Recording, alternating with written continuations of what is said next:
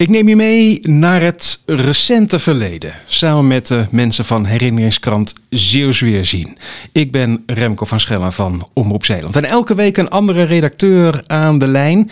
Dit keer Margreet Ernens. Goedemorgen Margreet. Goedemorgen Remco. Naar welk jaar gaan we? Eind jaren 50, begin jaren 60. En in welke plaats zijn we dan? Terneuzen, daar ben ik geboren en getogen.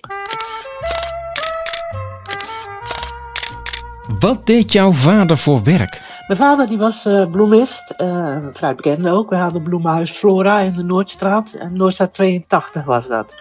Om uh, dingen te kunnen maken en verkopen had hij een eigen kwekerij aan de Dokweg. Dat is dus een onverwarmde kas, maar daar kun je dus al dingen in kweken. En in 56 dacht hij, nou, dat moet toch anders kunnen. Dus hij had hij een nieuwe kast gebouwd. En die heeft hij met uh, centrale verwarming verwarmd. Met een kolenkachel. En hij was, was daarin echt... echt wel een voorloper, hè? Ja, zeker. Want dat hadden ze zelfs in het Westland niet.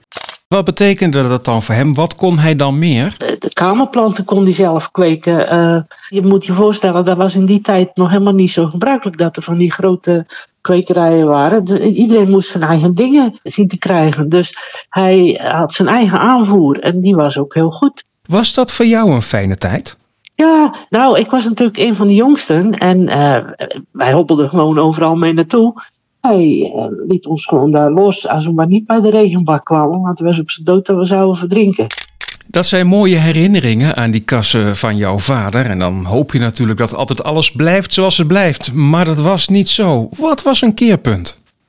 Nou, in de jaren zestig werd er natuurlijk. Uh, iedereen ging wat nieuws doen. En na de oorlog kon ook weer van alles. Dus uh, er werden grote kwekerijen aangelegd in den landen. En uh, er kwamen ook groothandels op in planten en bloemen. Dus ja, wat is goedkoper? Hij heeft toen andere plannen gemaakt. Dat was ook wel weer heel erg modern.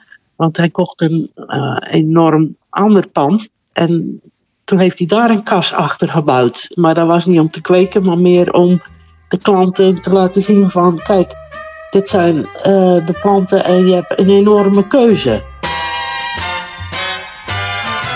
Jouw vader had visie, kunnen we wel zeggen. Zeker, en dat had hij op een heleboel vlakken hoor. Dus uh, dit was zijn ding. Ja, daar was hij altijd heel erg bij. Margreet Erdens, dankjewel voor de herinnering. De foto's die hierbij horen vinden we op zielsweerzien.nl.